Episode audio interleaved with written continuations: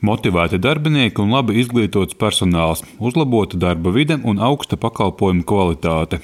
Šos četrus virzienus iekšlietu ministrija definējusi nosakot prioritātus nākamā gada un nākamo trīs gadu budžetā.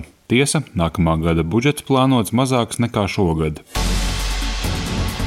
Iekšlietu ministrijas šī gada budžets ir sasniedzis teju 430 miljonus eiro. Proti, katrs Latvijas iedzīvotājs no saviem nodokļiem šogad iekšlietu nozarei atvēlēja 227 eiro. Salīdzinājumam, Lietuvas iekšlietu ministrijas budžets 2021. gadā bija 845 miljoni eiro. Tas nozīmē, ka katrs šīs valsts iedzīvotājs šai nozarei atvēlēja 302 eiro gadā. Savukārt Igaunijas iekšlietu ministrijas budžets 2021. 2021. gadā bija 446 miljoni eiro. No katra valsts iedzīvotāja maka tie ir 335 eiro. Tiesa nākamgad kopumā iekšlietām tiek prasīta mazāka summa - kopumā 414,29 miljonu eiro. Un šādā gadījumā nozare katram Latvijas iedzīvotājam izmaksās nepilnus 220 eiro gadā. Budžeta samazinājums nākamgad plānots uz dažādu Covid pandēmijas laikā izmaksāto piemaksu un dažādu ārkārtas pieprasījumu rēķina. Daļu pasākumu noteikušas pēdējā laika aktualitātes. Strauji likus reaģēt Baltkrievijas hibrīdkara izraisītā situācija uz Latvijas un Baltkrievijas robežas. 29 miljoni eiro rezervēti Latvijas un Baltkrievijas robežas būvēi, ieskaitot pagaidu stiepļa žoga izveidi jau šoruden.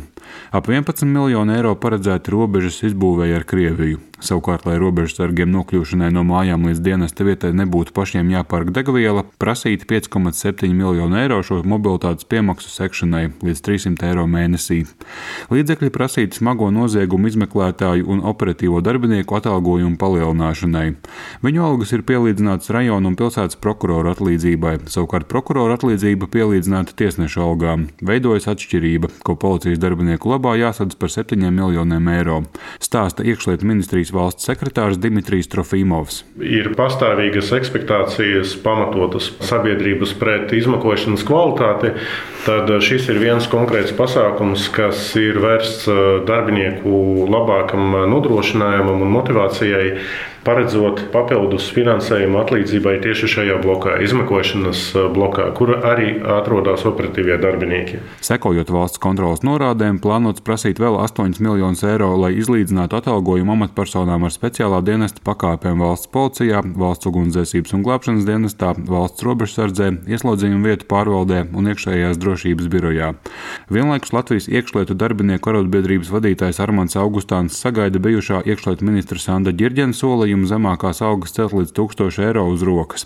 Pašlaik tās pēc nodokļu nomaksas un neieskaitot piemaksas par stāžu ir vidēji par 100 līdz 150 eiro mazākas. Ceļoties inflācijai, būtu jāceļ arī atalgojums. Redziet, kā ir. Uz šodienu ir tās virsstundas un covid piemaksas, un mēs jau paši redzam, ka šobrīd tas atalgojums ir diezgan būtisks pieaudzis. Bet tad, kad šīs piemaksas beigsies, tad mēs nokļūsim atkal tādā ļoti nepatīkamā situācijā, ka darbinieki būs sašutuši, jo atalgojums ir samazinājies, jo cilvēks jau ātri pierod pie labumiem. Nākamgad vidējais mēneša algas pieaugums valsts robežsardzē un valsts ugunsdzēsības un glābšanas dienestā varētu būt ap 105 eiro uz rokas. Valsts policijā mazāk, jo esošās noteiktās vidējās mēneša algas pamatā pārsniedz pārējo dienestu mēneša algas. Budžeta plānā izcelt arī policistu un izmeklētāju apmācību trūkumi. Ir iecerē veidot ekscelences centru vai izmeklētāju apmācību centru uz valsts policijas koledžas bāzes. Prasīt līdzekļi arī budžeta vietu sekšanai Rīgas Stradija Universitātē studiju programmā Policijas darbs. Šāda pieeja esot programma minimums izmeklētāju izglītošanā, taču augstskolas izveide iespējams nebūtu racionālākais risinājums, stāsta Trofīmovs. To gan kritiski vērtē Saimnes aizsardzības iekšlietu un korupcijas novēršanas komisijas vadītājs Juris Ransāns no jaunā jaunās konservatīvās partijas. Viņš aizstāv atsevišķas augstskolas, policijas akadēmijas atjaunošanu. Par to septembra beigās vēl gaidām apsprieda noziedzības novēršanas padomē. Tas bija tomēr prestiža profesija. Šobrīd no tās profesijas ir palikušas pāri tikai nu, tādas drupas. Desmit gadus policija ir cietusi šos zaudējumus profesionālā ziņā. Tieši ar to muļķīgo konceptu, ka tagad mācīs kaut kādās citās universitātēs, kaut kādas primitīvas saskaldītas programmas.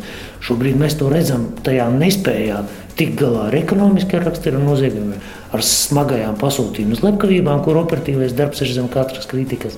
Mēs redzam tos muļķīgās politikas rezultātus.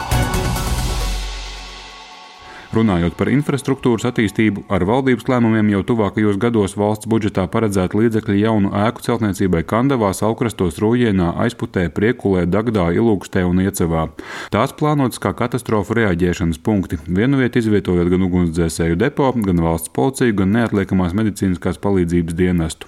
Savukārt par Eiropas atvesļošanās fonda līdzekļiem plānots celt šādas ēkas arī Liepājā, Daugopilī, Tukumā, Alūksnē, Madonā, Līvānos, Talsos, Salacgrīvā, Kauguros un Alsā. Kalsungā. Vienlaikus šajā gadā nav īstenojies plāns iegādāties un pielāgot biroju ēku Pērnavas ielā 83 vairāk valsts policijas iecirkņu apvienošanai jaunās telpās. Tam rezervētos līdzekļus iekšlietu ministrija rosina izmantot policijas iecirkņu robežsargu telpu remontam, arī ugunsdzēsēju glābēju mācību poligonam. Ministrijas budžeta plāni paredz arī valsts policijas specializētā transporta atjaunošanu, jo ap 500 transporta līdzekļiem gada beigās noslēgsies nomas termiņš.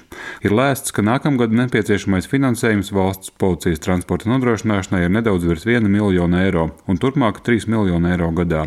Šo finansējumu pēc valsts sekretāra Dimitrija Trofimova domām būtu jāparedz valsts budžeta bāzē. Lai vairs nav nepieciešamības eh, ik pa pieciem gadiem atgriezties pie tā, ka tuvojās šie termiņi Un e, šis ir jaunais stāsts par finansējuma nepietiekamību pamatfunkcijas nodrošināšanai. Jo te ir, e, nu, kā saka, elementāri darba rīks jānomaina ar citu darba rīku. Tāpat arī sarunā par valsts ugunsdzēsības un glābšanas dienesta specializēto transportu prasīta 12 miljoni nākamajā gadā un turpmākajos gados līdzīga summa.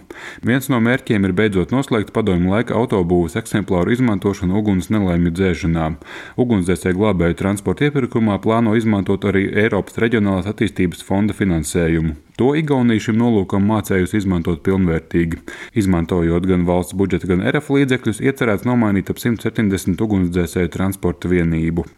Sociālajie partneri apzinās, ka iekšlietu ministrija, tāpat kā citu nozaru ministrijas, valsts budžetā ik gadu prasa vairāk nekā vēlāk saņem. Tomēr ar valdības lēmumiem ir piešķirti papildus līdzekļi policijas un ugunsdzēsēju ēku atjaunošanai un sniegtas garantijas par rezervētu finansējumu lielai daļai citu pieminēto mērķu. Jānis Kincis, Latvijas Radio. Valsts budžets 2022. Tūlplānā. Pēta un analizē Latvijas radio ziņu dienests un raidījums Krustpunktā.